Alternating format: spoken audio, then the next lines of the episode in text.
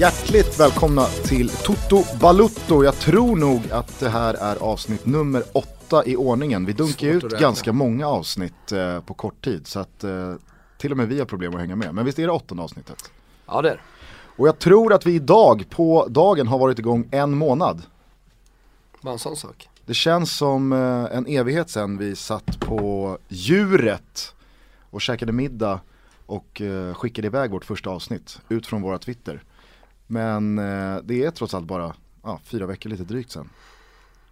En evighet, fast ändå inte. Vi har fått med oss så jävla många följare, Ja. lyssnare, vi har fått så mycket kärlek och uppskattning. Eh, så att eh, det känns som att vi har dragit igång en snöboll som kommer växa till eh, Globen.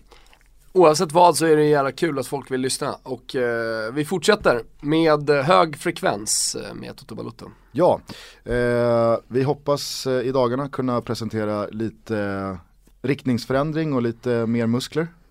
Ja, exakt. Inte bara på oss själva utan även på den här podden. Ja, absolut. Så att eh, häng med. Ja, vad vi ska säga om det riktigt här, här nu men tack för att ni är med oss i alla fall.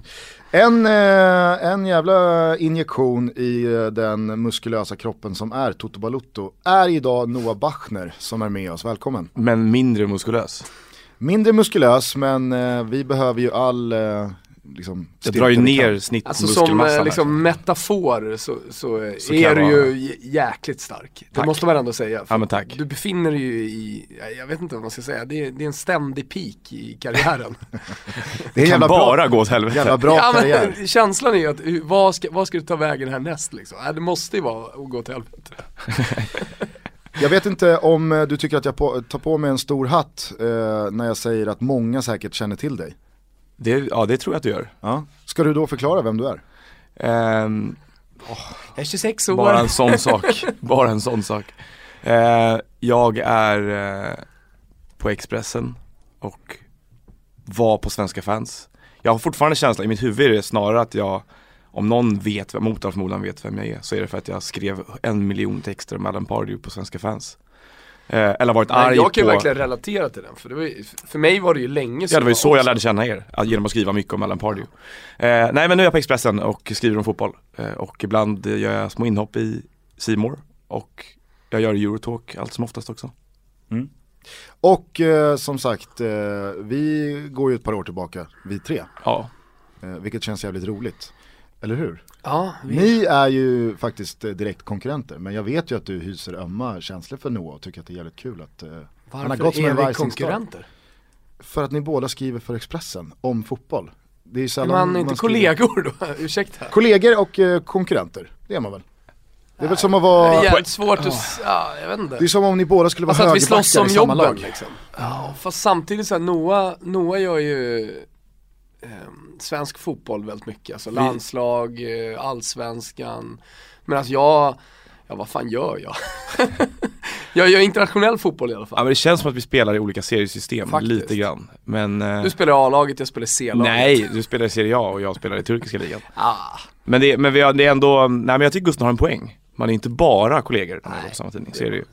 Precis som även man, om, man är inte bara lagkamrater när man är liksom högerbackar båda två. Men men man får ju jag- aldrig jobba i egenskap av konkurrent. Nej men om, om jag skulle säga så här, alltså jag menar nu, jag vet inte hur intressant den här diskussionen är men eh, vi, man sitter ju liksom på ett kontrakt som på något sätt ger en arbete.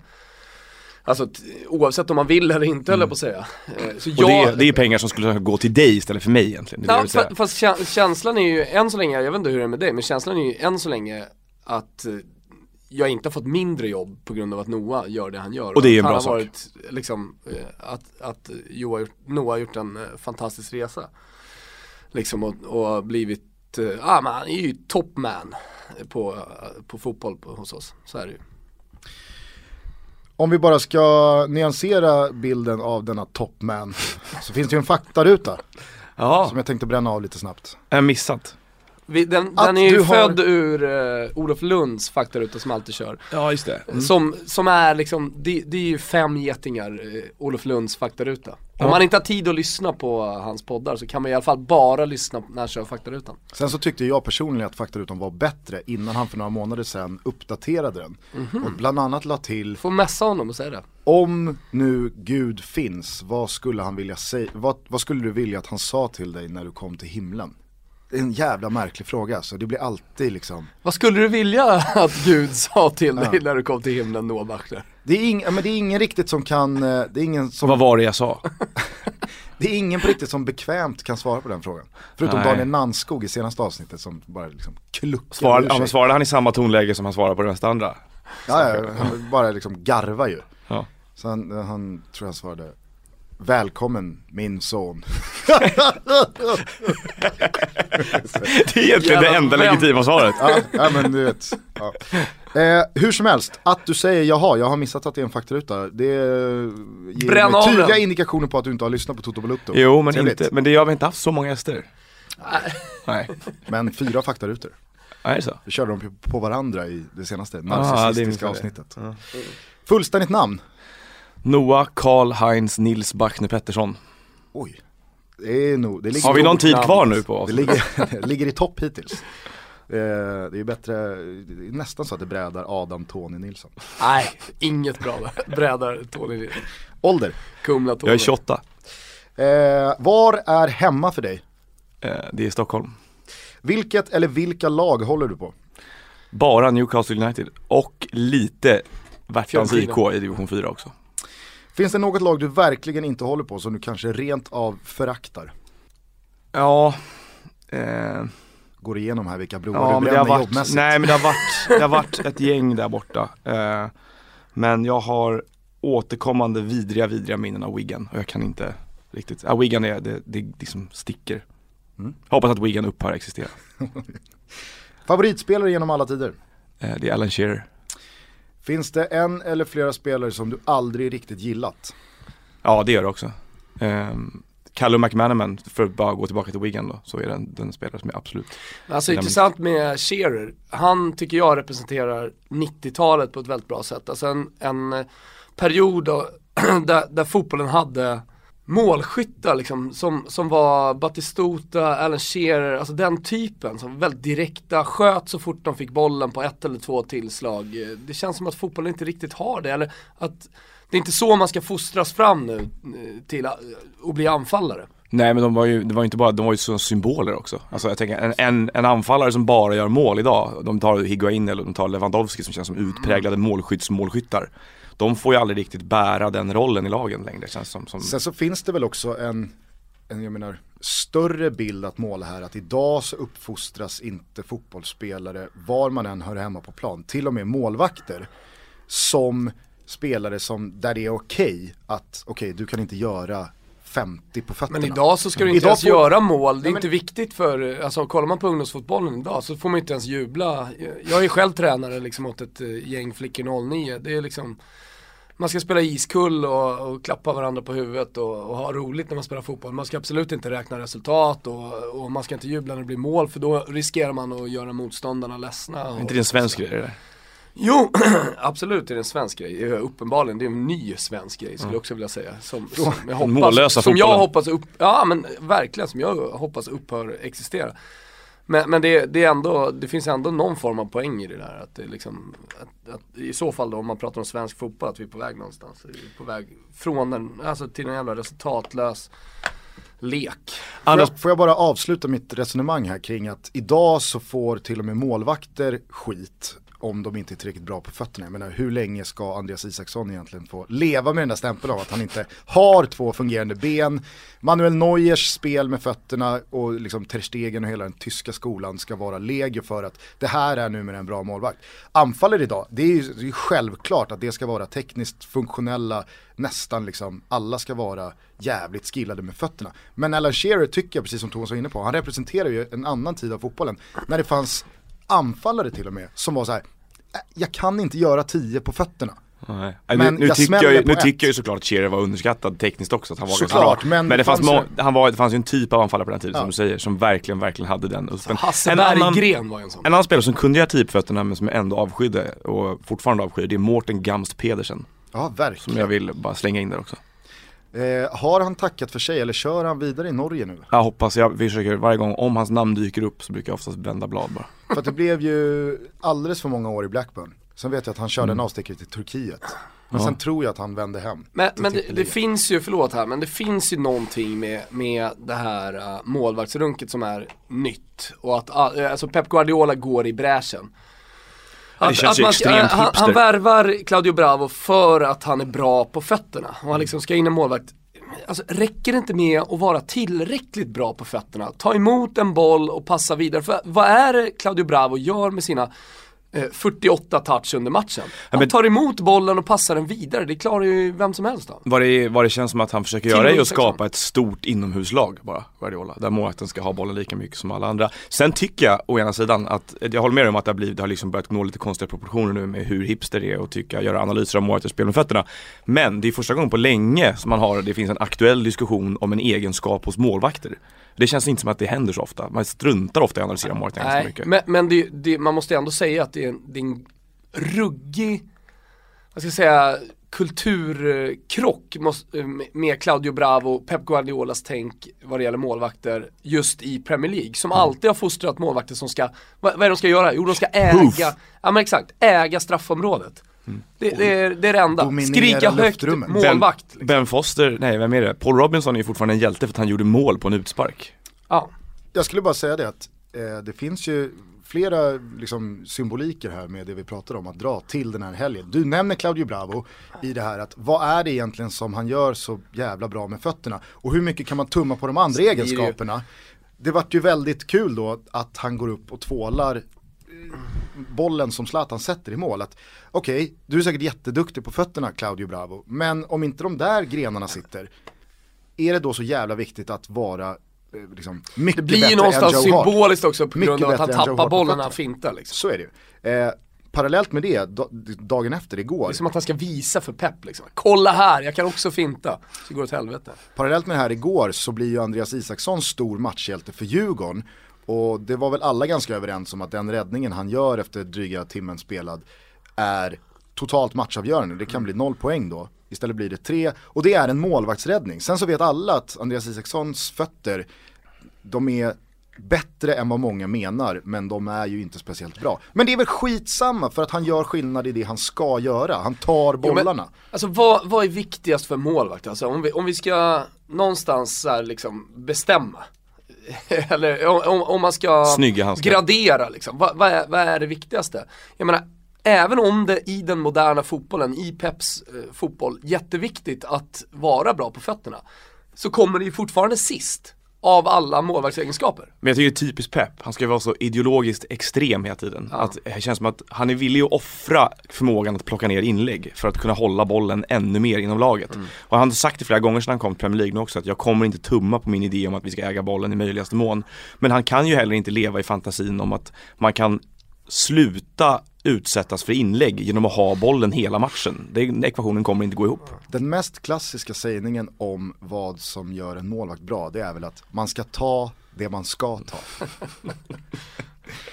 Och så är det liksom så här, Ta de bara här- det du ska ta. och, och, exakt, om du tar det du ska ta så är allt annat bonus. Medan de här målvakterna som så här, han kan limma en boll upp i krysset och sen så släppa en, en, en markare mellan benen. De målvakterna benämns ju oftast med det ganska luddiga adjektivet fladdriga. Är inte Joe Hart en målvakt som tar det han ska ta? Jo men han, tar, han har, men Joe Hart har väl också lite det här bedrägliga att han tar lite mer men han är också bra på att göra snygga räddningar. Alltså han är bra på att göra tv-räddningarna. Så att kommer en nick rakt på honom då, då stoppar han den inte och låter den studsa och ta den utan då är det Tjä! Klassisk fransk Det målvaktsgrej. där gör sig annars. dåligt i radio, i podcastformatet, när du försöker beskriva med ett ljud. Bara. Jag har testat det rätt många gånger förut och då har det funkat bra. Okej. Jo, fransk eh, grej ju det här. Barthes var ju en, eh, en tv-målis. Mm. Eh, Sebastian Frey.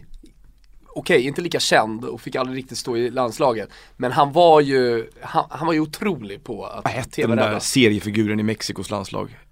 Eh, Campos. Ja, Ivan Campos. Campos. Det- Sergio Campos. Ivan, Under en period av eh, när i fotbollen slet vad det gäller, alltså rent... Eh, Jorge Campos. Jorge Campos, otroligt färgglada tröjor, uppvikt krage, jättekort, flög, låg som ett streck vid ribban heter den. Men under en period Var han en bra målvakt? Eh, nej, han var fladdrig. Ja. Han tog ju inte det han skulle ta.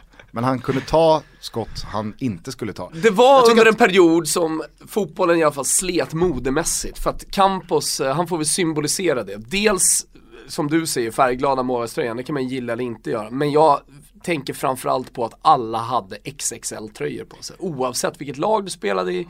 Jag vet inte vad det var med 90-talet, men alla, vi, vi, vi tror jag spelade fotboll under 90-talet. Så fort du fick något, när du var 12 bast, spelar ingen roll. Du fick någon tröja liksom från, från klubben, så var det ju XXL.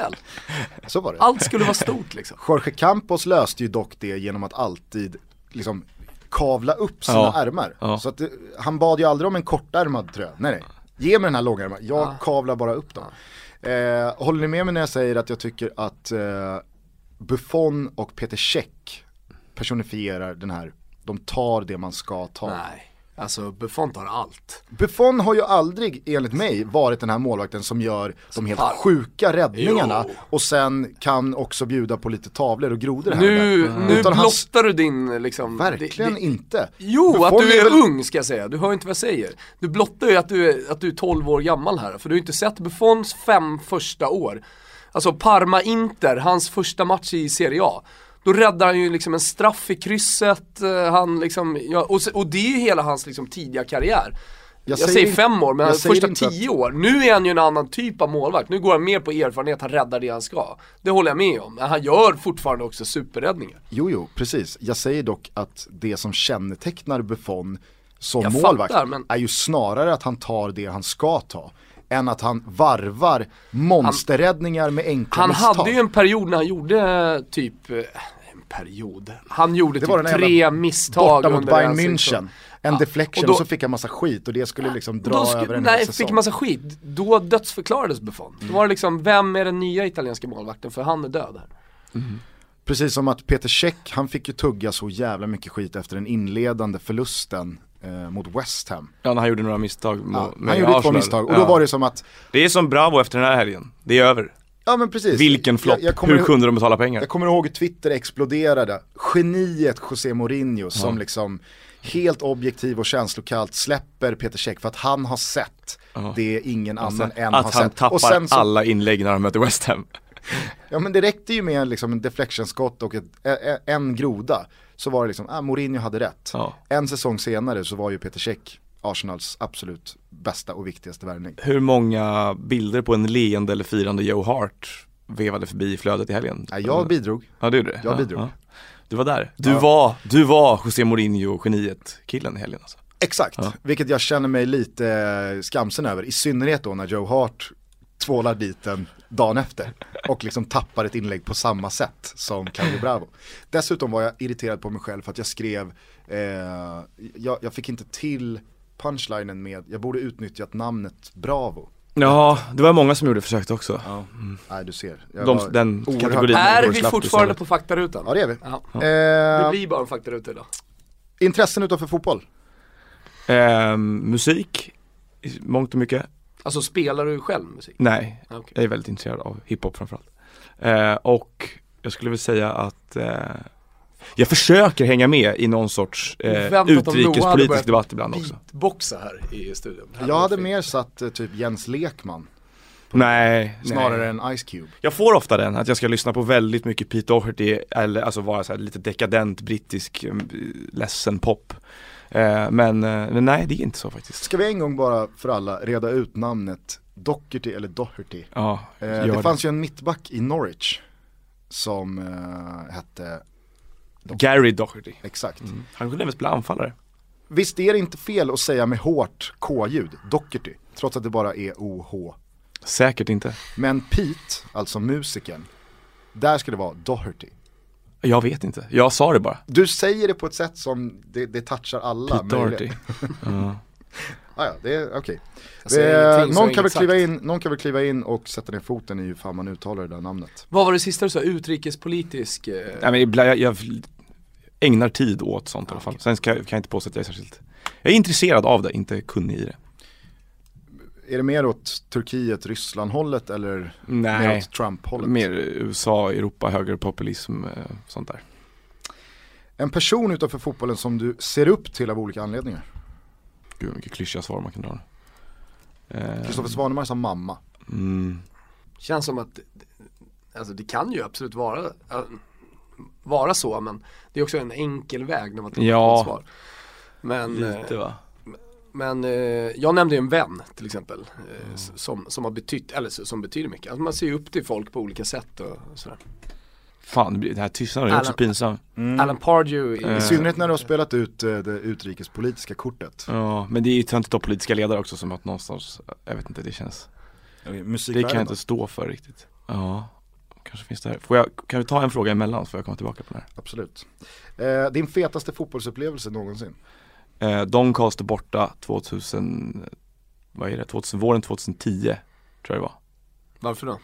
Eh, för att det ösregnade och jag var med 4000 Newcastle-fans och vann med 1-0. Andy Carroll var precis på väg att bli en anfallare som, man, som faktiskt var en fotbollsspelare. Han hade ju liksom harvat lite i reservlagen där ett par år och det var, var utlånad till Preston och blev utvisad, gjorde ett mål på 11 matcher och kom tillbaka och man tänkte såhär, det kommer inte bli någonting, han är bara lång han, och var, jobbig. han var väl typ 21 då? Ja han var precis, han, så han hade liksom börjat komma upp i den åldern när man, ja men 21 ska ändå börja hända grejer tänker man.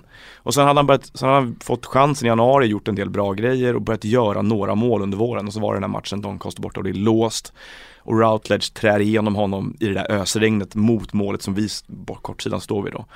Och Carroll får en back emot sig och bara mörsar in Det den. där är och det var så här, det var, det var ögonblicket när han blev Andy Carroll och man stod där och jag var fyra rader fram från där jag skulle stå när det var klart. Nej men det, det där, just att stå på en borta sektion och eh, liksom, det, det kommer ett viktigt mål, gärna i slutskedet av matchen, mot liksom en själv i, i det målet som du beskriver här nu. Det är ju oavsett om det är örat borta eller liksom Tjongavallen, en vanlig serielugnt match, det är ju alltid någonting speciellt. Det är ju det bästa som finns. Höjdes det inte lite frågetecken också där kring Andy Carroll? Kan han göra 20 på fötterna? Det tror jag inte han kan. Ganska omodern fotbollsspelare liksom. Ja det är han, det är absolut. Eh, vem från fotbollsvärlden hade du helst velat dela en flaska vin med? Ehm, jag hade gärna velat dela en flaska vin med eh, Erik Hamrén. eh, Jag hade gärna velat dela en flaska vin med eh, Laurent Robert Oj, För, Newcastles gamla franska ytter. mm. För att jag tror att jag kommer få ett gott vin ja. Och för att han var bra på fotboll Nej men han var en rolig, rolig figur Garanterat blir det ju ett Bordeaux. Liksom. Ett, ett riktigt, riktigt bra Bordeaux. Ja, som att jag skulle känna igen det Men, eh, men han är en person som inte, han var liksom, det fanns någonting intressant med honom tyckte jag hela vägen Den snyggaste fotbollströjan genom tiderna? Eh, Det är, ja, Philip O'Connor försökte tvinga mig till att säga att det var Newcastles från 95 här nu, den hemmatröjan. Men det har varit för mycket Newcastle känner jag. Så att, eh, nej men jag tycker nog att, eh, eftersom Thomas sågade, sågade den så mycket, den tröjan som har etsat sig fast i mitt minne väldigt hårt. Det är Jorge Campos. eh, Sveriges, eh, Sveriges vita bortaställe för VM 94 har jag alltid Otroligt älskat. snyggt. Har jag Men- alltid älskat. Vi, gjorde, vi hade lite olika roller ju under EM. Ja, Eh, Men när vi var på Rodelapp, alla som lyssnar på det här, tack för Rodelapp, eller hur Gustav? Ja, vi kommer alltid ha Rydelapp. Ja, exakt. Du säger Ry, jag Ro, säger. Ro. Rydelapp. Eh, men, men då är en, en kille i mängden då, alltså det är, säg att det är 5000 svenska supportrar på Rydelapp eh, i, i det där eh, härliga franska kvarteret. Eh, som har den vita bortatröjan från 94. Och han är dessutom liksom tokblond. Så tankarna går ju till, eh, i, Klabbe. Till Klabbe. Tveklöst liksom. Ja, Men det var, det var ändå, ja, och den är ju fin. Och för stor.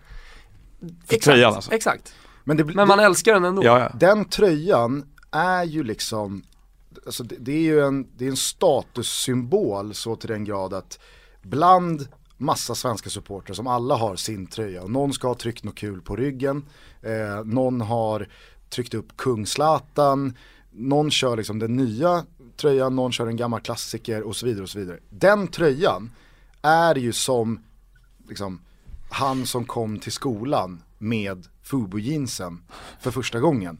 När alla andra liksom, hade bara hört talas om dem. Att de såldes på speedway på Ja, Precis, det spelade ingen roll att eh, liksom, man själv försökte ha liknande. När Nej. någon väl klev in med de riktiga grejerna, Mm. då var det okej, du, är, du är nummer ett.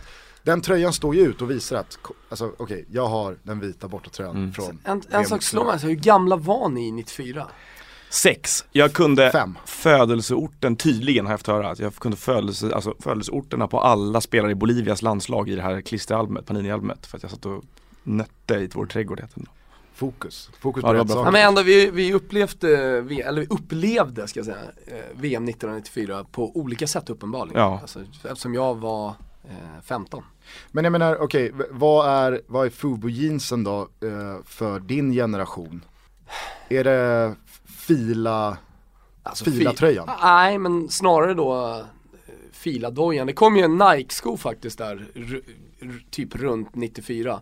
Svart och sen så var det liksom ett så vitt band över he- hela skon. Den var lite dyrare än de andra så man fick den inte sådär. Ehm, och ja, jag kommer ihåg, jag fick den jag fyller i år 14 augusti, mitt under brinnande vattenfestival. Det här är väldigt kort Gusten, jag ser att du vill gå vidare. Men eh, jag har haft skorna två dagar, jag ska möta mina vänner. Vi är väldigt, väldigt, alltså jag är ett stökigt gäng från norra Botkyrka. Inne, inne i stan. Och eh, de la ju ner vattenfestivalen också, lite På grund grund, av av, er. oss, ska jag säga. Och jag ska absolut inte dela med mig av alla bravader ur det där. Men då blir jag i alla fall rånad på Pjucken, det första som händer, jag kommer in i Berzelii park. Eh, det, ja, nej men det kommer ett gäng på 10 pers, drar kniv, säger ta av dig skorna. Uh, och efter en del om och men och lite puttar och kniv mot halsen så är det bara snöra av sig, eller på att säga knäppa av sig med den här vita jävla förödmjukelse alltså, att få böja sig ner. Ja av faktiskt, ja, men faktiskt Ja. det, där, det där sitter fortfarande alltså. Sen var det ju jakt efter de där skorna kan jag säga under, under återstående tiden av eh, Nej vi, vi hittade dem eh, men eh, Inte skorna. inte skorna. Eh, det löste sig på ett sätt, eh, man fick ut sina aggressioner men eh, inte, inte pjucken. enough. Skorna, Fubo-jeansen och så vidare och så vidare. Statussymboler precis som den vita tröjan. Vem tänker du på i den tröjan? När du, Den vita? Ja, Eh, alltså, Schwarz. Jag är Jonas Tern. Ja men det är ju någon av de två va? De flängde mycket Mm. i sin speltid så att Alltså, tröjan också lite, flaggade, jag ja han också, men de två framförallt, mycket dueller den här tröjan, den var överallt på skärmen, tröjan. Man kunde liksom inte se vad, vad som hände för att det var tröja överallt bara. Men jag vet inte om ni Mycket minns bra det eller ni har i alla fall liksom eh, tagit tillbaka men den personen som det var mest snack om i, i den svenska startelvan, så snackisen, var ju Claes Ingesson. För att han, det, det fanns verkligen två läger. De som älskade honom, de som verkligen tyckte han var träben. Och just, men just under det mästerskapet, då fick ju alla hans kritiker, eller alla hans kritiker blev ju tystade. För att han var riktigt, riktigt bra. Han gjorde bra. till och med tvåfotare och liksom poäng under, under mästerskapet. Så var det väl extra mycket då att hans raka motsats till fotbollsspelare satt på bänken, Anders Limpar. Ja, verkligen. Som ju känns som idag hade varit den personen som hade haft mycket, mycket mer större stöd, eller att det var, Hade det också fan inledningsvis. fan är bättre med fötterna. Ja, han men, kan göra 50 på fötterna. men han hade det också inledningsvis, men sen var det inte så mycket att snacka om eftersom Klabbe var grym. Eh, har du kommit på någon person utanför fotbollen? Nej, jag, må- jag måste faktiskt säga min syster, det blir eh, väldigt, eh, det kanske låter väldigt sentimentalt töntigt. eller lillasyster? Min lillasyster. Av någon speciell anledning? Ja, hon är, ibland är hon, eh, kompletterar hon mig på ett bra sätt tycker jag. Får mig, puttar mig på, på rätt köl. Ja. Shoutout Inte till för, att jag är ute och, inte för att jag är ute och rånar eh, gäng från norra Botkyrka på skor på dagarna och hon säger åt mig att sluta råna gäng från norra Botkyrka på skor. Men hon gör mycket, mycket bra saker för mig. Vad heter hon? Nelly heter hon. Nelly, shoutouts till Nelly då. Eh, två frågor kvar. En match Bra du skulle vilja Nelly se, Bachner, låter som en artist. en match som du skulle vilja se men som du ännu inte har sett. Eh, Milano Derby. Åh, välkommen. Fan, vi kanske ska åka ihop på Milan Derby. Ja. Va, eller vad händer då? Bara roligt, eh, vi har aldrig gått på fotboll ihop så. Eh, Alltså, bara Har vi varit på någon match roligt. förutom Sverige-Belgien? När du, ja, du kom ju på Sverige-Italien också. Ramlade ju in lite sent eftersom jag gjorde tv in i det sista då, så att mm. vi, vi var i alla fall på, Du var, där, du var där fysiskt på den matchen, ja, men inte mentalt. mentalt var jag inte på någon match. Nej, Nej men det, vi kanske åker på Milano Derby då. Derby della Madonnina. Mm. Zlatan har vunnit 10 guldbollar de senaste 11 åren. Vem tror du hade vunnit flest guldbollar under den perioden om inte Zlatan existerat? Tänk gärna högt. Det här är Mm. ju Gustens, vad du gud ha sagt, eh, fråga. Eh, Nanskog hade ju svarat, jag själv. Eh, Andreas Isaksson, det är lätt att prata med Isaksson och Källström för deras insatser i landslaget, eller framförallt Isaksson och tycka, beroende på vad som nu är måttstocken för vem som ska vinna Guldbollen, vilket jag aldrig riktigt går att förstå längre i och med att Zlatan är bäst i landslaget och i klubblaget. Men sett till landslaget så har Isaksson varit den överlägset näst bästa landslagsspelaren för mig efter Zlatan. Jag tycker ingen har kommit närheten av honom. Eh, annars så tror jag att, att eh, jag säger Isaksson, det är Isaksson som skulle ha fått flest guldbollar. Hans klubblagskarriär har varit rent bedrövlig i jämförelse med hur bra han varit i landslaget. Men, det väger så tungt. Jag sa Ja. också Isaksson. jag tror, med tanke på att när det här priset ska delas ut så verkar ju förbundet ha väldigt mycket att säga till om. Och med tanke på hur de verkade resonera kring till exempel Isak Thelin som ju sen mer eller mindre avslutade sin karriär i Bordeaux under hösten. Ja, så, så tror jag att Isaksson har legat bra till. Eh, sen tycker jag att det finns andra spelare som såklart på klubblagsnivå har åstadkommit mer. Men, men eh, nej, för mig blir det, för mig blir det Isaksson. Mina Sekine låg ju på Mellberg. Ja. Just för att han har Vilka år tillhört då starka- då? När liksom, Ja, alltså vi, vi, går, vi får gå tillbaka till 2004. ja. Ja, det hade, det hade han legat väldigt bra till för såklart. Eh, och jag tror väl att Mellberg slutade i landslaget efter EM 12 va?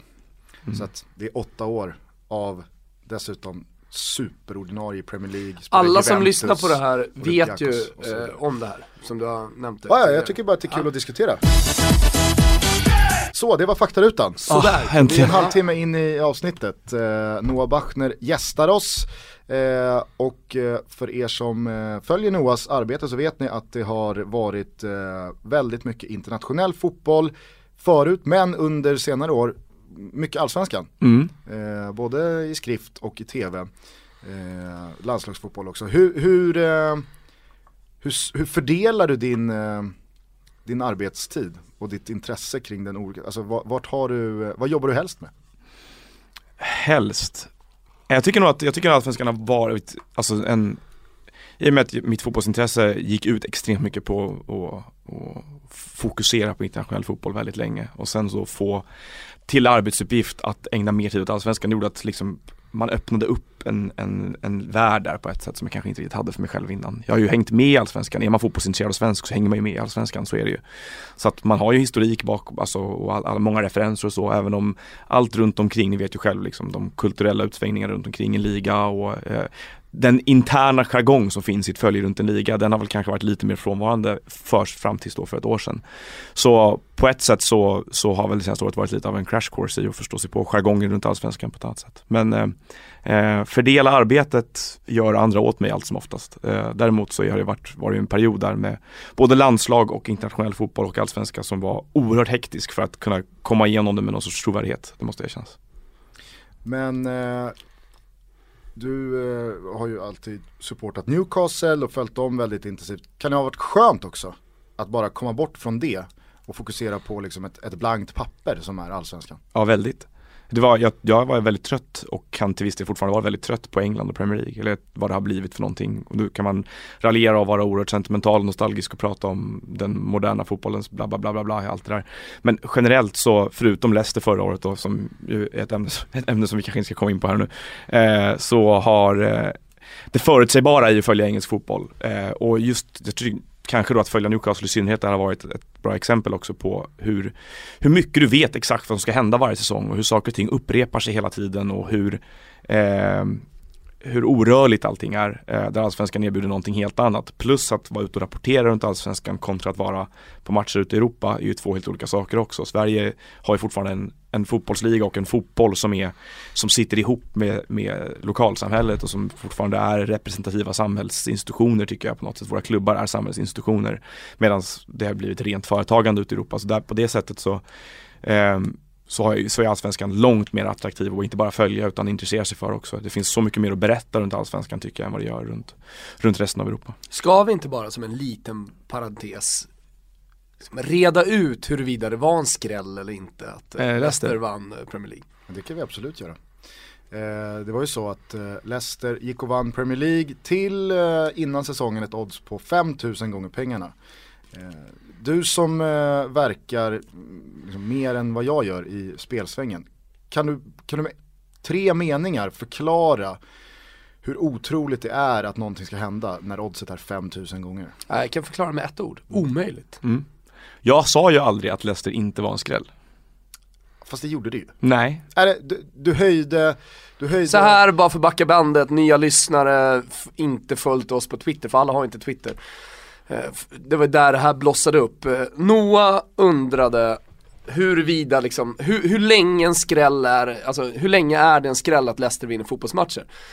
Typ, Eh, du, du får rätta mig sen om det är fel, men ungefär så. Och då, Gusten, han förstod inte vad i helvete Noah Bachner pratade om. Och det är därför jag tar upp det här nu, för det, det, vi, vi måste reda ut det här. Ja, vi tjafsade om det där också. Det som, det som jag tror, det finns två grejer här. Det ena var att... Bollar jag eh, upp det bra eller? Alltså, så folk förstår. Ja, alltså jag tror att alltså, huvudfrågan för mig blev att alldeles oavsett hur bra Leicester ser ut under en längre tid, under en hel säsong. Fast nu börjar jag argumentera för dig. Ja, nej, men Ja. så säger jag bara att man måste, man måste tänka, eh, man måste ha utgångspunkten innan den här säsongen drog igång. Ja. Som Och jag, utgångspunkt och jag ville nog egentligen diskutera skrällens karaktär, för det finns två olika typer av skrällar för mig. Det finns när rent ut sagt skitdåliga lag plötsligt vinner matcher mot alla odds men fortfarande är usla lag. Eller när lag är mycket bättre än vi trodde att de var. Som i Leicesters fall då tycker jag att Leicester var ett långt bättre lag än vi trodde att de var innan säsongen. Tar vi andra landslag som är dåliga men ändå hankar sig vidare med 1-0 segrar i turneringar och så vidare. Då tycker jag att vi är två olika typer av skrällar. Och vad jag ville diskutera med Leicester var nog bara är det här fortfarande en skräll i den bemärkelsen att Leicester är bottenlaget Leicester som leder Premier League? Nej det tycker jag inte det var. Sen tycker jag man kan, sen så, den här diskussionen dök upp igen i somras med Island. Mm. Eh, där jag igen diskuterade hur mycket skräll är det att ett lag som i kvalet spöade Holland hemma och borta och höll nollan eh, slår England med 2-1. Ja, det är ingen jätteskräll för mig, eller liksom, jag förstår inte vad som är så oerhört förvånande med det. Nej, där är jag ju helt med dig. För att där hade man ju, om man som du, om man som jag, om man som många andra hade följt Islands frammarsch. Alltså dels under VM-kvalet till Brasilien där man ramlar på sista hindret playoff mot Kroatien. Och sen under EM-kvalet där det inte var, som du säger, det var ingen, eh, det var ingen tursam liksom, plats man tog till EM utan den var högst välförtjänt. Och så Man- kryssar man tre gruppspelsmatcher och slår England. Ja, man, inte... var, man var superstabila och man åkte ju till EM eh, och till en grupp som på förhand absolut inte kändes omöjliga och jag tyckte att man under gruppspelet visade upp både eh, liksom sina sidor av att vi kan störa många lag, vi kan störa de flesta lagen men vi är också inte några som eh, liksom, kommer ha med slutsegen att göra. Så att jag tyckte, precis som du, det inte var någon superduper knall att man slog England. Eh, men där så var man också oddsatta tror jag till nio gånger pengarna. Så att i den bemärkelsen så är det klart att man var underdogs. Men jämfört med att Leicester ska gå 38 omgångar och hålla lag som City, Arsenal, Chelsea, United, Tottenham bakom sig och lösa slutsegen. Det hade ingen Alltså, Alltså, en det- skräll i skrällen är ju att man håller. Alltså sista Jo, men- månaden. Är du med på vad jag menar? Att eh, där ska ju Leicester inte orka, de ska inte ha en växel till. Så när de har spöat City borta så är det fortfarande en skräll att de Nej slår... men jag, jag tycker att under en säsong, eh, alltså som Mourinho är väldigt bra på, att, att vara riktigt, riktigt bra när det kommer till kvartsfinaler, semifinaler och final Mm. i Champions League. Att liksom fördela eh, träningen eh, på, på, på det sättet att man är kanske inte riktigt superbra, man är tunga på inledningen på säsongen och sen så när man väl kommer till mars, april, maj så är man nästan som bäst. Och eh, det kändes ju nästan som att, alltså om man nu man sitter med facit i hand, som att Leicester faktiskt hade en liten växel i, i slutet där. Alltså, Det jag, det jag vände mig emot, det som jag ville diskutera mot slutet där, det var att det fortfarande pratades väldigt mycket som att varje match Leicester vann så var det bottenlaget Leicester som precis hängde kvar med Nigel Pearson året innan. Där Jamie Vardy fortfarande spelade kvar i Fleetwood. Det var det laget som vann matcherna, det var inte Leicester som hade vunnit, förlorat två matcher av 35 och där Jamie Vardy du gjort gick 19 lite, mål. Ja, för mig gick du lite snabbt fram där, för, för en säsong är, det, det går snabbt liksom, det är några Mm. månader. Eh, så, f- jo men för mig, för mig blev det liksom, ja men precis som jag säger, alltså skräll i skrällen i slutet, eh, att man håller, att man klarar av de tuffa vintermånaderna, att man klarar av eh, julen som är så otroligt hektisk för de engelska lagen och alla andra har ledigt. Alltså, det, det finns så många små liksom, skrällar i skrällar. Är du- Alltså, en, Ja. om man, om man kollar över en hel Ja, men jag, jag, jag, allt, är, allt är jag med på. Jag tror snarare vad jag vill diskutera var, när börjar vi, när slutar man prata om ett lag som överpresterande på det sättet som man pratade om Leicester hela säsongen och när börjar man prata om det som ett bra lag? För att hur många gånger måste ett lag va, vinna och vara extremt bra innan vi börjar sluta säga att de är egentligen sämre, de presterar över sin, sin normala nivå här nu? Det är en liksom, superrelevant och intressant diskussion och där är jag helt med på det. För att jag tyckte inte att det var någon skräll att man slog Liverpool hemma med 2-0 eh, i mars, eller när det nu var. För att man var ett bättre lag än vad Liverpool var. Och en tabell ljuger sällan, liksom allra minst om Leicester förra säsongen. Man var Premier Leagues bästa lag. Framförallt var man Premier Leagues mest stabila lag. Eh, men i diskussionen huruvida det var en skräll eller inte. Där måste du väga in vart Leicester var någonstans innan säsongen Absolut. drog igång. Helt med. Och det gör Leicesters Premier League-seger förra året till den största skrällen i fotbollens historia. Sen är jag helt med dig på att väl under säsongen så, så förvandlades ju Leicester från en botten, eh, ett bottenlag som skulle åka ur till att successivt under liksom, säsongens gång bli ett lag som du faktiskt höll som bättre än väldigt Så vi landar i den här klassiska Twitter-grejen att så här, prata om två olika saker. Men jag tror att rubriken till och med var, hur länge får man skrälla? För att gå tillbaka till Den här texten finns ju, vi kan lägga in den i hashtag Toto Ja, jag, jag tror att jag var trött när jag skrev den, för jag har läst den någon gång efteråt och bara jävlar vilken röra, vad har, håller du på med här?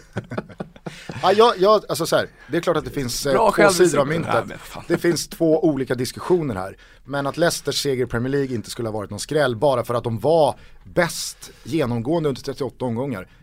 Det är en vurpa. Alltså kan För vi bara också, för, eh, åter ett sidospår, jag och Backner har en blogg som, ja men har stagnerat lite kan vi ju vara ärliga och säga. Den laddar om. Den laddar om. Kan vi inte då få hjälp av alla som, som faktiskt eh, lyssnar på det här?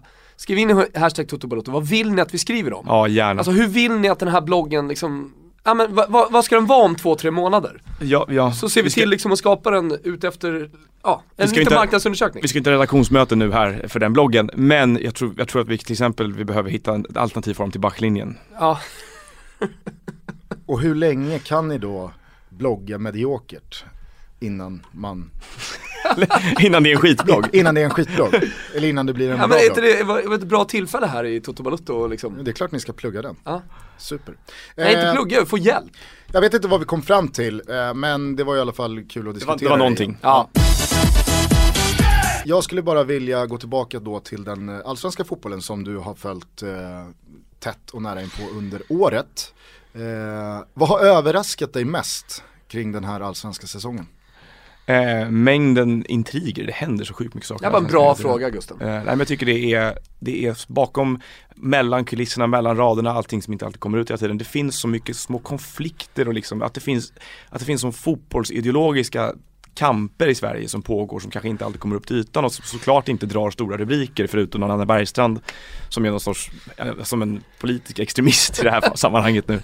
När han kör sitt race så är det liksom, du pratar med sportchefer och tränare och spelare och det är så mycket vitt skilda meningar om hur saker ska göras hela tiden på ett sätt som jag inte trodde att det ägde rum i svensk fotboll. Jag trodde att vi var, det var mer föreningsliv, jag trodde att det var mer, eh, vad ska man säga, ehm, det här familjära, det lite, lite mysiga i Sverige att ja, men vi, vi tuggar på här med våra materialare och en tränare är en tränare är en tränare.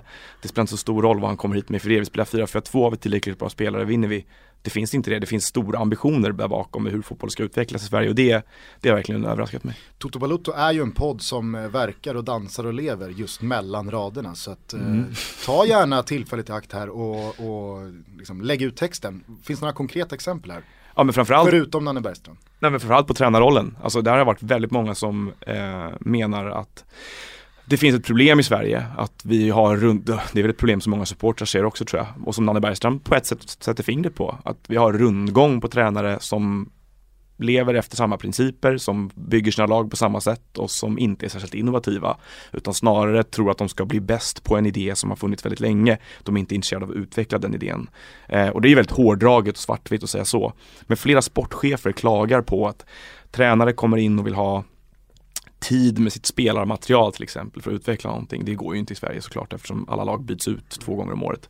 Eh, men det här har varit ganska ordentlig kritik då som såklart inte alla gånger kan skrivas men mot hur andra lag jobbar och vissa, någon sportchef har sagt att ja, det kommer dröja två, tre år så kommer de här, de här, de här namnen inte finnas kvar i svensk fotboll. Och allting verkar gå tillbaka till våra tränarutbildningar. Det finns jättemycket kritik mot SVFF för att det är som en sorts klan eller sekt som vissa benämner det som då där eh, man tycker att man måste vara på ett sätt för att få ta sin licens i Sverige, man måste jobba efter vissa principer och kommer från ett annat håll som till exempel Graham Potter har gjort eller som Jimmy Tillin, dåligt exempel just idag eftersom han fick stryk med 100-0 igår.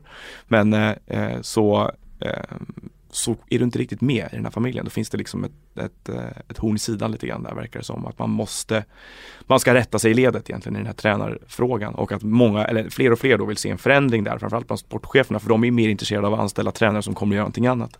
Och det där, var, där liksom känns som att det bubblar lite grann och där jag vet att flera tränare Thelin bland annat, Joel Cedergren är en annan, eh, Graham Potter några till. De har sökt sig utomlands för sin vidareutbildning. De har sökt sig framförallt till Portugal där vi har flest portugisiska tränare av alla nationaliteter i Champions League. Portugal vann EM med Fernando Santos och mycket kretsar kring den här idén om taktisk periodisering och så vidare. Så att där, där sker det någonting som jag tycker är jävligt spännande. De två som har fått klä skott för den här diskussionen om hur, ska man säga, låst den svenska tränarutbildningen är. Det är ju till att börja med då Jonas Tern, som alltid har varit den här personen som att nej, jag tänker inte sätta mig i en strömlinjeformad skolbänk och bli som alla andra. Jag har min vision, min uppfattning om vad man ska göra med fotboll. Och sen nu på senare år, det var väl bara något år sedan, att då Daniel Andersson inte alltså kom in, eller blev antagen till de här kurserna. Och det är alltså sportchefen i Malmö FF, lag, tidigare lagkapten i Svenska Mästarna, utlandsproffs i hur många år som helst, hur många landskamper som helst på CVt. Alltså, det finns ju, precis som du säger, en, en sån trögflytande förändringsprocess ja. i den svenska fotbollen. Som någonstans blir ganska så pinsam när den syns på display. Alltså, jag, tror, jag har tänkt på det själv också den här säsongen, eh, vad som har överraskat mig då. Och det är ju att, att inte fler av de som styr i klubbarna identifierar tränarfrågan som vår nyckel till konkurrensfördelar mot resten av kontinenten. För jag tror att Sverige har ju ingen möjlighet att bygga bättre lag rent kvalitetsmässigt med hjälp av sina resurser än vad rika lag från för all del Azerbajdzjan eller välj vad du vill nu liksom. Nu kanske det var ett dåligt exempel men vi kommer alltid möta lag i kvalomgångarna till Europa League och Champions League som har möjlighet att pumpa in mer pengar som nästan alltid kommer ha möjlighet att och värva våra bästa spelare. Viktor Claesson kommer möta Elfsborg när han spelar i Slavia Prag så småningom. Liksom. Det, kommer, det kommer alltid det kommer vara så tills vi luckrar upp 51%-regeln och det vill vi inte göra. Hur unisont är motståndet inifrån den sportsliga biten av vår fotboll gentemot 51%-regeln? Jag har inte upplevt det som särskilt stort överhuvudtaget. Jag tror att väldigt många identifierar det som en nyckel till att behålla någonting ganska värdefullt i Sverige och att alltså, klubbarna, klubbarna som nat i sin natur kommer förändras om vi byter ut 51%-regeln och det kommer bli mer eller mindre omöjligt för de människor som driver klubbarna som är så mycket föreningsmänniskor idag. Nästan alla som styr fotbollsklubbarna i Sverige har ju liksom ett hjärta i klubben på ett annat sätt än vad en, en företagsmagnat som kommer in, en kinesisk investerare, vad det nu skulle vara för någonting har. Vilken klubb var det som eh, nyligen blev köpt i Bundesliga av eh, kineser tror jag att det var, som inte hade koll på Nej, att, det, det var väl, eh, att han hade köpt 49% av klubben. Det var ju faktiskt eh, Oh, det var ju Adam eh, Nilsson som berättade ah. om en eh, Oh, fan var han ifrån? Sudan ah, ja. Ja. kanske? Något, något afrikanskt land. Investerade i alla fall sina, han trodde att pengar. Han, han trodde att han köpte pengar. hela, han trodde att han köpte upp hela klubben. Men... I alla fall att möjligheten fanns att köpa 100%. Ja. Han fick det veta inte. Tysk fotboll kör ju samma. Ja precis, men de har ju, de har ju Det är liksom... en sanning med modifikation. Ja, och i Tyskland bor det 80 miljoner personer och i Sverige bor det 9 Så att de kan ju, de drar in andra publiksiffror och sponsoravtal. Det var inte så att jag drog rakt av allsvenskan. Du sa att allsvenskan var precis som Bundesliga. Tycker ni om vi bara då pratar den ideologiska frågan, tycker ni att, eh, alltså ta då till exempel Göteborgs uttag här mot Karabach.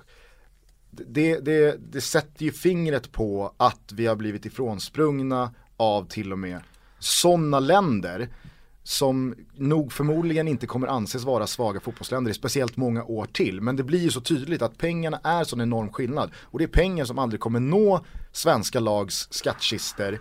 Eh, av så, just den här formen. Men, men, samtidigt så här, kollar vi, vad, hur, var är fotbollen om man säger topp, toppfotbollen om, eh, om fem år? Ja den är ju inte i Sverige.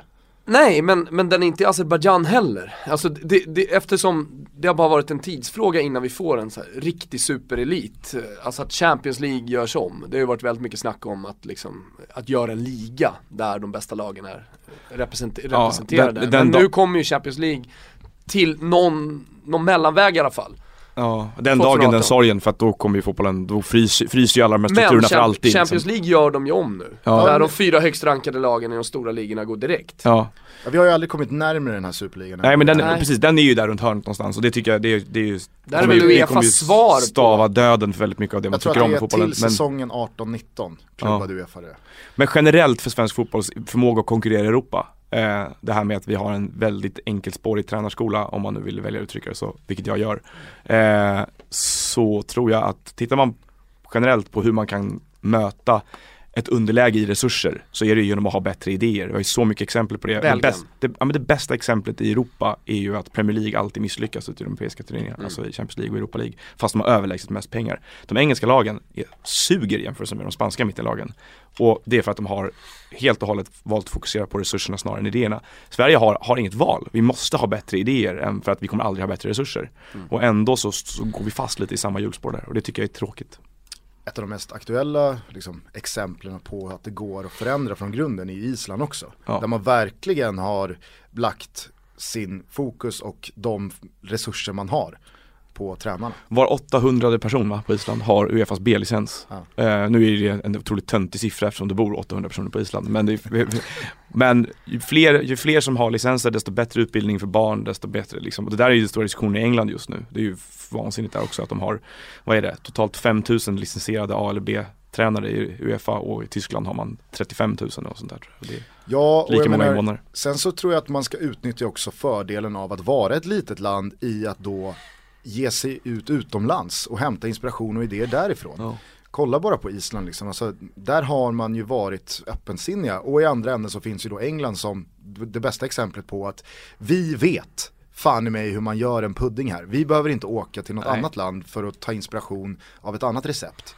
Det syns ju här nu. Den, den eh, diskussionen hade jag ju med några engelska journalister, en grej inför Italien-Tyskland så skrev jag en text om att, som handlade egentligen om att varför är England så långt bakom de här två länderna och vad är det de har gjort som England inte har gjort. Och då var det en del engelska journalister såklart som jag har sett igenom det här och till och med skrivit böcker om det. En bok som jag inte har läst men jag skulle vilja läsa som heter Mr. The Men Who Gave the World a Game av Rory Smith på Times som handlar om hur England exporterade tränarrollen ut i världen men också idén om fotboll som världen tog till sig som en idé som kunde utvecklas medan engelsmännen fortsätter att leva i tron om att det här är en idé om fotboll som vi har kommit på, alltså är den färdig. Den är färdiglagad. Medan man i Italien har en helt annan lärandekultur och i Tyskland också betraktar fotbollen som en idé som hela tiden måste förnyas och utvecklas och därför så går man vidare. Tysklands, Tysklands projekt efter EM 2000 är det va? När de har gjort två usla mästerskap 98 och 2000 när de tar totalt omtag på ungdomstränarutbildningar och de bygger olika liksom, uppsamlingscenter i landet där man, där man eh, samlar spelare och allt vad det är. det där, den här historien kan väl rätt många vid det här laget gissar jag. Men eh, jag menar den, den typen av eh, vad ska man kalla det för, blueprint för hur, hur man gör ett omtag och hur man, jag tror inte att Sverige behöver göra ett lika stort omtag som England är. Men vi har ju ärvt ner den engelska tränarskolan i Sverige. Vi har ärvt ner mycket samma idéer, vi ska komma ihåg det. Alltså det är, finns stora likheter mellan, som jag upplever i alla fall, mellan hur svensk fotboll har utvecklats och engelsk. Tror ni att Sverige har gått på myten lite om sig själva som ett jävligt tålmodigt land? För det känns som att i den här liksom, diskussionen, jag har så svårt att se förbundet lägga ut en 12-årig plan. Att det känns som att vi vill förändra saker nu. Vi vill ha det här om två år. Då vill vi vara Belgien, då vill vi vara Island, då vill vi vara Tyskland. Resultatmässigt. Alltså det här tar ju tid. Du är tillbaka i 2000, det är 16 år sedan. Ja. Alltså det belgiska undret, det började ju inte i och med att Eden Hazard Var bra. liksom var bra. Nej. Utan Nej, det började ju massa år tidigare. Ja. Och jag har så svårt att tro Sverige faktiskt tar de nödvändiga besluten och någonstans gå ut med att 2028 kan vi börja snacka. Men det är en kultur, för mig är det en kulturfråga. Alltså har vi en, har vi en, en förändringsbenägen förnyelsekultur, en lärandekultur i Sverige där man vill, där man hela tiden Det strävar viktiga efter att vara är, det är att utveckling. våra barn har kul när de är nere och spelar fotboll. Inte att att, man de inte- utvecklas. Och att man eh, inte firar när man gör mål. Ja, men jag, ser, jag, ser, jag ser faktiskt en tydlig skillnad som jag lever mitt i det. Hur, hur man tränar när man är på konståkning, eh, hur man gör när man är på hockey, gymnastik, friidrott jämfört med fotbollen. Fotbollen är fortfarande, det är lek. Men det ska ju kunna få vara det också, alltså det ska inte Jo bara men jag, jag vara pratar om utvecklingen. Ja. Alltså så här, där, där ut, det är lek där också, men du utvecklas i sporten.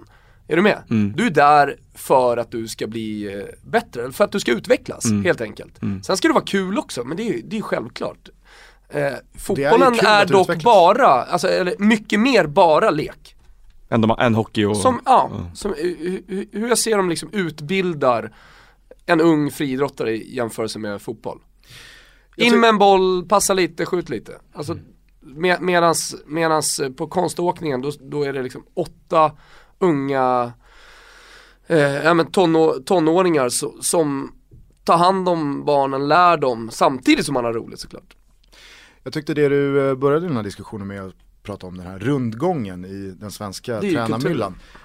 Den, den är ju, liksom, som vi någonstans har slagit fast här, ganska destruktiv. Eh, tycker att den, den eh, personifieras lite av hur Halmstad valde att plocka tillbaka Janne Jönsson när Jens Gustafsson hade nått HBKs bästa placering på tio år tror jag. Eh, med ett ganska så skralt spelarmaterial. Han hade sin vision, sin filosofi, sin tanke på att så här spelar man fotboll. Man, han hade gjort det jävligt bra. 1 plus 1 hade blivit 2,2 Mm. i alla fall.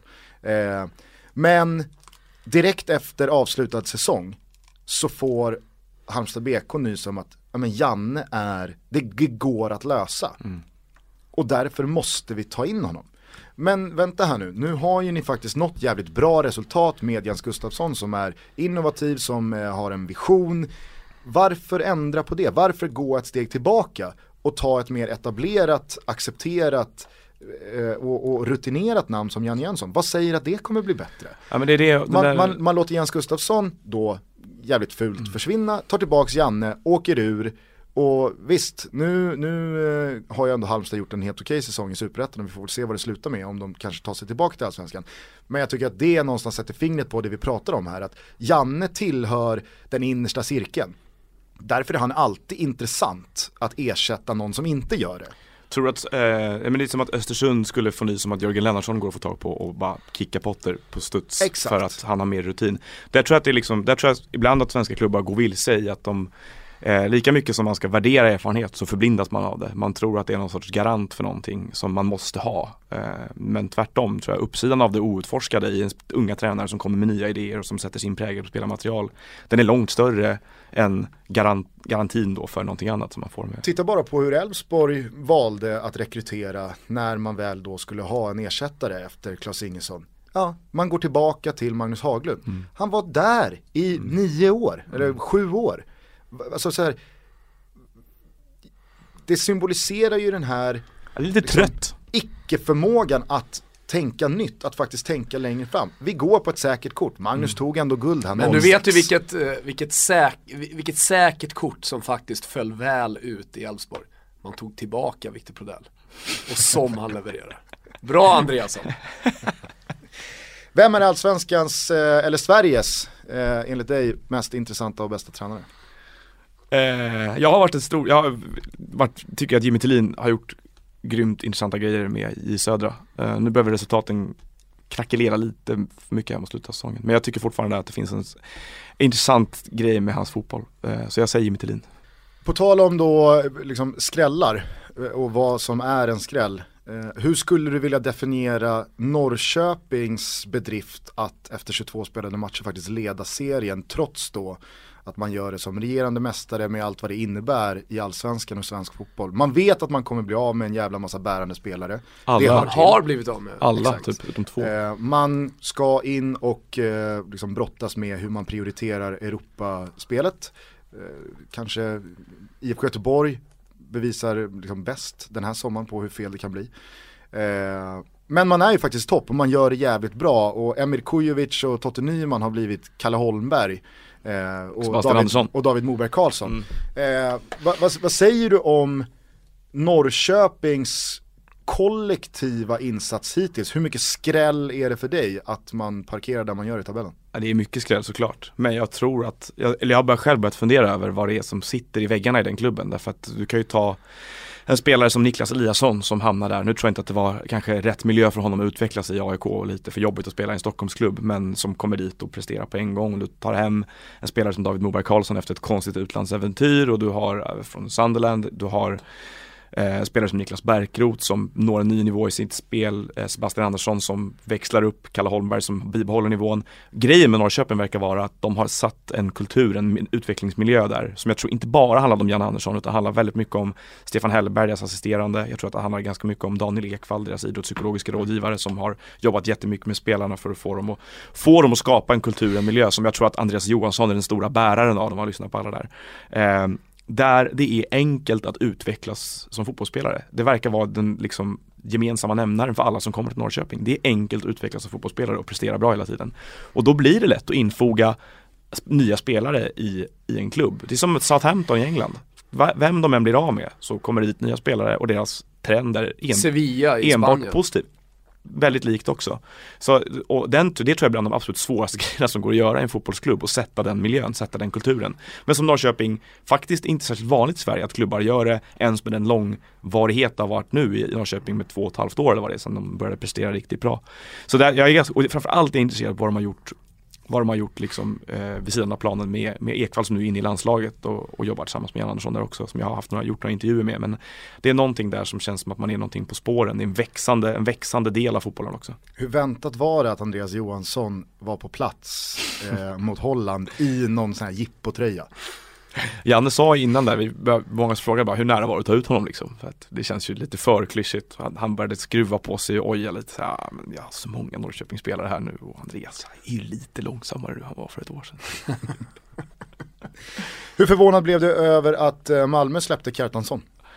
Eh, väldigt. Därför att jag förstår att, men jag var, nu har inte jag granskat deras Det eh, känns ju som en, vi har tagit ut segern i förskottförsäljning. Och, och eh, var, varför måste man ha de pengarna nu? Jag förstår inte varför man måste ha de pengarna nu. De har väl mest pengar av alla sen ganska lång tid tillbaka. Eh, och eh, jag är väldigt, eh, är väldigt förvånad över att en spelare som kändes så perfekt för Malmös spel också i och med att Cartason är ju inte nyttigt lag som måste kontra mycket till exempel. Han är nyttigt lag som belägrar för att han nosar upp alla lösa bollar i straffområdet.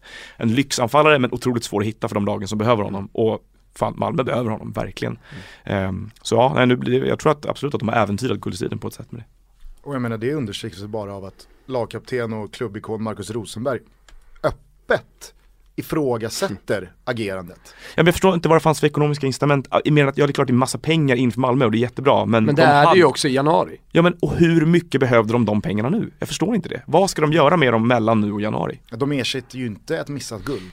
Nej, Nej, och det är väl snarare så att priset stiger efter en ytterligare då liksom, 10 mål till. Ja, exakt. Så har Kjartansson gjort 25-30 baljer. Men liksom, det, det, nu han skulle han inte nått upp dit men med tanke på vad han var på väg i sin form, han var ju trögstartad också. Han kom igång efter ett tag. Oh ja. Så att det liksom jag känner mig delaktig i den för att eh, efter fyra mållösa allsvenska omgångar så twittrade ju jag om att eh, han ser ut som en bluff.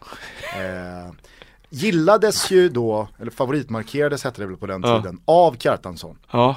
Eh, och sen dess så eh, han, han går in, han går in och avmarkerar och så markerar igen lite då och då bara för att visa ja. att han, Nej, han men, håller koll på eh, han, han såg den tweeten liksom. Ja. Den har man ju fått checka upp.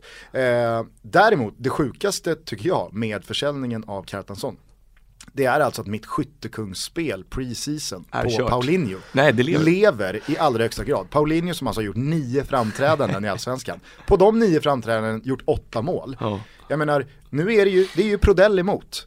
För ja. att Kjartansson lär Min inte vinna på 14. Han stannar på 14. Hur många har Cevicki gjort då? Eh, åtta ja. kan han ha gjort. Jag menar, Ovoeri är skadad. Eh, du har eh, Antonsson har lämnat. Och i slutändan ja. så vinner väl Kjartansson det här i alla fall. Ja. Nej men det sjuka är att med nio omgångar kvar att spela så, så, kan, Paulinho. så kan Paulinho med sitt målsnitt som är överlägset bäst i och med att han har gjort, han har nästan 1,0. Alltså men Kalle Holmberg störtar ju mot 20 målen. jag, jag, det är helt bisarrt att Paulinho faktiskt fortfarande är med i racet. trots liksom 13 missade omgångar. Hörni, det är dags för gulasch. Ja, eh, vem, ska ha, snitsel. vem ska ha veckans gulasch? Ah, men, jag ville gå tillbaka då till det vi inledde och snackade om. Vi, pr vi pratade om anfallare ja. och att det inte finns de här riktigt typiska nummer 9 spelarna nu för tiden. Och eh, således då dela ut gulasch och schnitzel till eh, två stycken anfallare. Vad vill ni börja med? Det är Det är ju så att gulasch av någon konstig anledning som Gusten har bestämt är det dåliga då. Ja, jag Och fattar inte det riktigt. Är bara, Det är nej nice men det. det, är ingen som förstår. Börja med gulaschen. Ja, vi börjar med gulaschen och den går ju då till Marco Borriello eh, den här gången. Han, jag vet att det är många som tycker han är så jävla cool och du vet, han är skön på Instagram, men, men det har gått för långt. Jag har varit inne på Christian Vieri tidigare, som är hans polare för övrigt, men det, det har nu gått för långt tycker jag.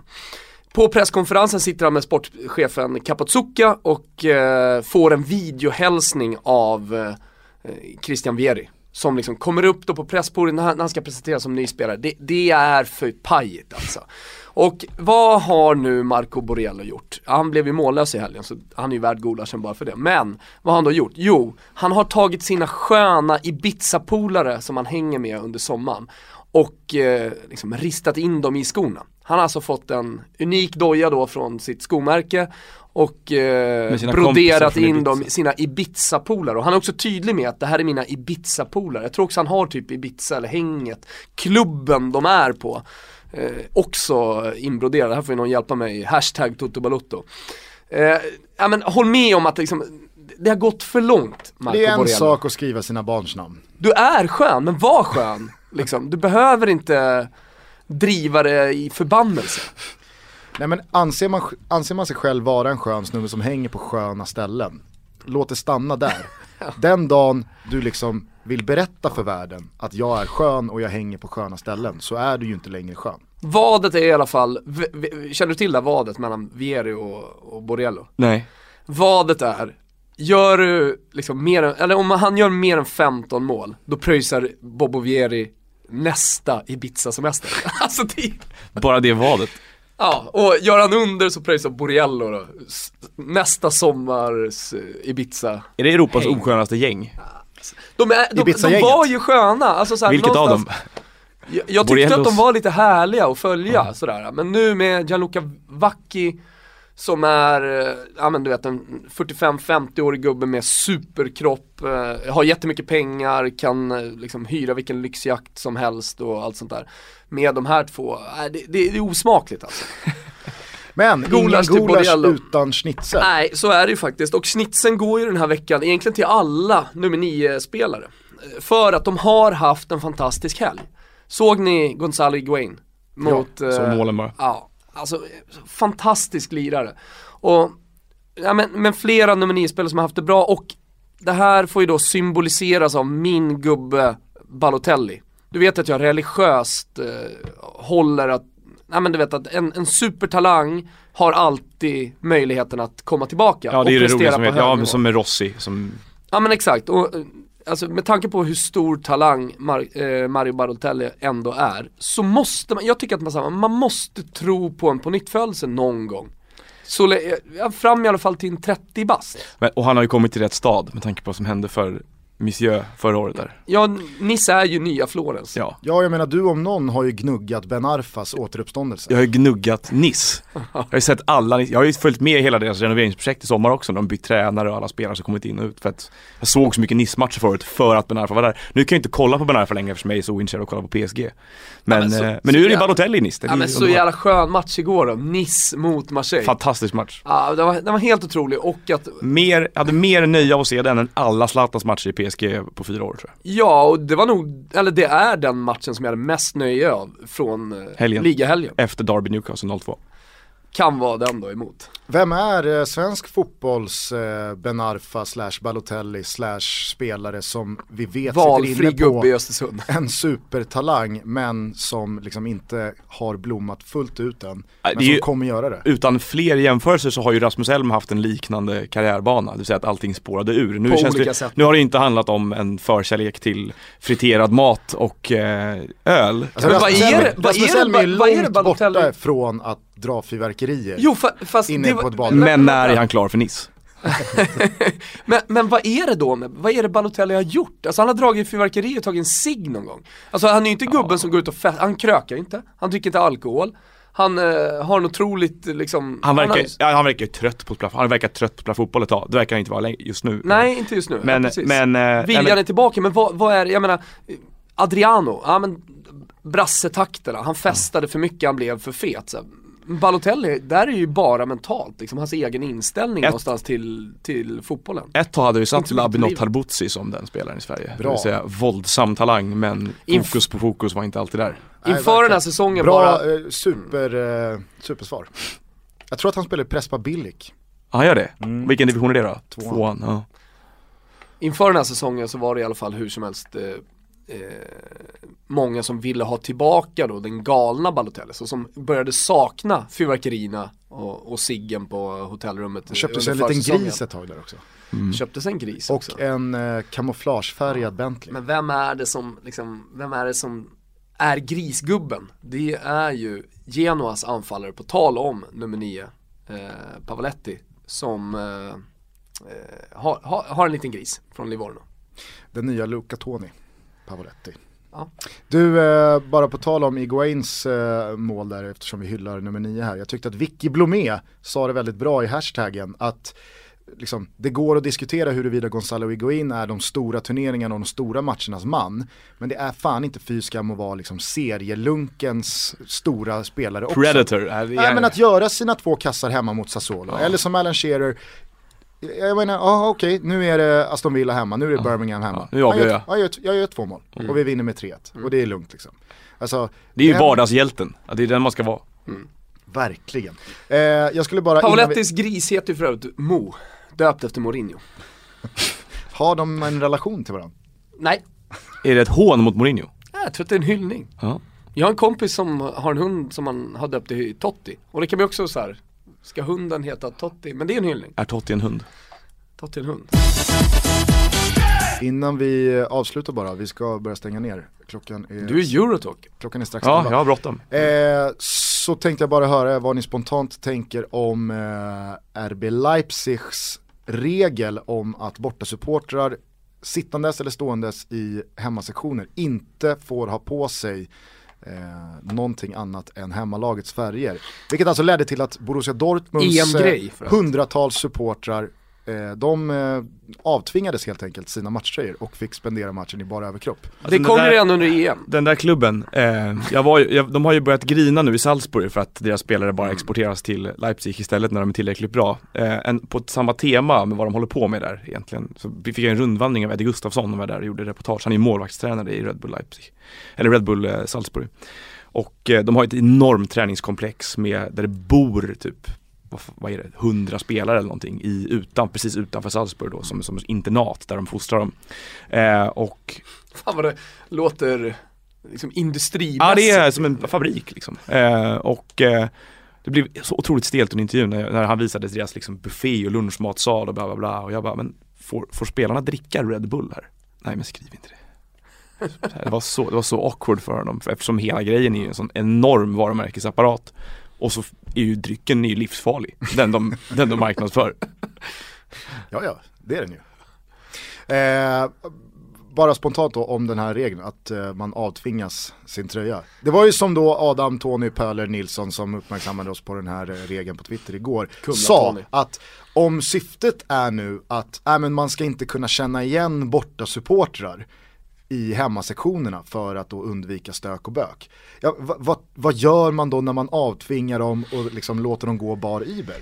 överlag eh, klubbar som ska liksom sätta sig på en, sån- en sån här fet fåtölj och, och eh, det här tycker jag generellt sett är en större fråga. Vi var inne på det förra veckan när vi pratade om supporterkultur. Liksom när, när helt plötsligt klubbar eller förbund ska börja bestämma över en kultur, hur det ska funka, då, då, då tröttnar jag. Så att det, det här kan ju vara veckans gulasch också såklart. Ja.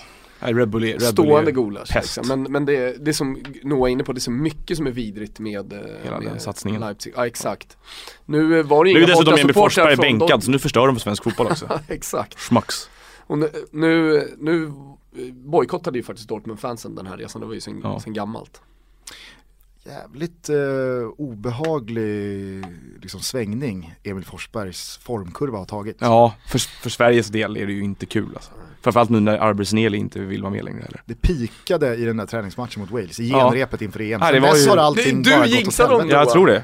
Jag tror det. Skrev en krönika, jättebra krönika om vem är typ Zlatans wingman i EM. Ja, en annan dimension i anfallsspelet. Men rubriken blev inte den, rubriken var, blev någon annan. Det blev Forsberg är den nya Zlatan. Ja, Nej det har jag aldrig sagt. Jag tror jag kallade honom för MVP in disguise. Ja, men det är han. Eller så här, det var han ju, den matchen var ju fenomenal. Nej, det är synd att han var tvungen att vara så bra då. Kunde vänta lite istället. Men återigen då tar vi liksom Balotelli-religionen. En stor supertalang kommer alltid Är Emil liksom- Forsberg Ja, den spelaren? Emil Forsberg till Nice i januari. Gärna, med Rasmus Elm i släptåg. Alltså Rasmus Elms Twitterbild, har du sett den? Ja, han står har i den här pon- hatten. Han står Ja. i ponchon färgglad. eh, Nice liksom, skulle ju faktiskt kunna värva Emil Forsberg. De har haft Niklas Hult där, nu utlånad då men eh, Så att Den är ju möjlig. svenska vänsterfötter har en plats i Nice. Hörrni, vi ska eh, dra ihop säcken. Hör av er till oss om ni vill någonting. Mail är totobalutto.gmail.com. Vi finns på Twitter och Instagram, där heter vi totobalutto precis som hashtaggen totobalutto. Så finns det en hashtag i hashtaggen som heter utrikeskorrespondenten. eh, där, eh, där vi saknar faktiskt lite eh, bra förslag på Gaziantepspors maskot Örn. just det. Eh, någon föreslog att den skulle heta Sam, det tyckte jag var ganska kul. Döpt då efter utrikeskorrespondenten. Tack för att jag fick komma hit också. Ja, eh, det är säkert många som hoppades på betydligt mer Premier League och Newcastle Ja, när Noah Bachner var här. Ja. Därför tycker jag att vi på stående fot här och nu bjuder in dig till ett eh, annat avsnitt snart igen. Kul!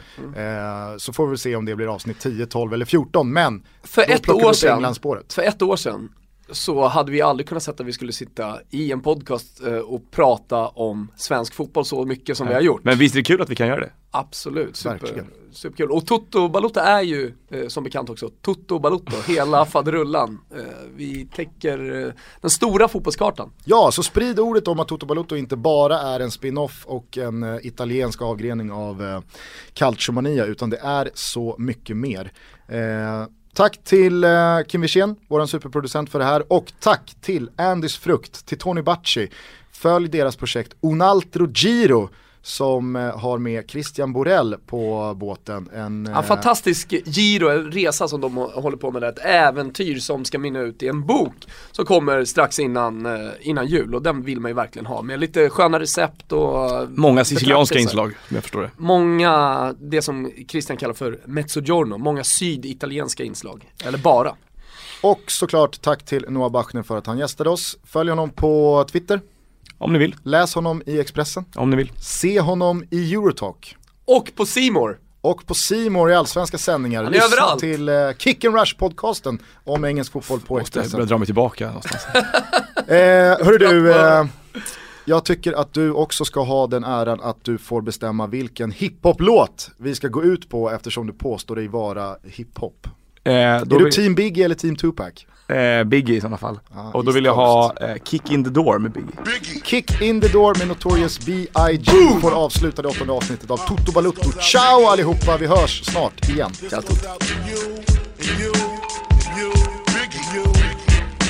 This goes out to you. This goes out to you. This goes out to you, and you, and you. Uh. Your reign on the top was short like leprechauns as I crush so-called willies, thugs, and rapadons. Uh. Get in that ass quick fast like Ramadan. It's that rap phenomenon, Don Dada. Fuck Papa, you got to call me Francis M.H. White intake like toast, toe iron. Was told in shootout, stay low and keep firing. Keep extra clips for extra shit. Who's next to flip on that cat with that grip on rap? The most shady. Frankie baby. Ain't no telling where I may be. May see me in DC at Howard Homecoming with my man Capone drumming fucking something. You should know my stilo. Went from 10 G's for blow to 30 G's a show to all G's with O's I never seen before. So, Jesus, get off the notorious. Mean us before I squeeze and bust. If the beef between us, we can settle it with the chrome and metal shit. I make it hot like a kettle get. You're delicate, you better get who sent you. You still pedal shit. I got more rides, the great adventure. Biggie. Oh, How are you gonna do it? Do it. Kick in the door, waving the 4-4. All you heard was Papa, don't hit me no more. Kick in the door, waving the 4-4. All you heard was Papa, don't hit me no more. Kick in the door, waving the 4-4. All you heard was Papa, don't hit me no more. Kick in the door, waving the 4-4. All you heard was Papa, don't hit me no more. On your mark, get set when when I spark you wet. Look how dark you get when you're marked for death. Should I start your breath or should I let you die? In fear you start to cry, ask why. Lyrically I'm worship, don't front the word sick. You cursed it, but rehearsed it. I drop unexpectedly like bird shit. You herbs get stuck quickly for royalties and show money. Don't forget the publishing, I punish them. Uh-huh. I'm done with uh-huh. them, son. I'm surprised you run with them. I think they got coming them, cause they nothing but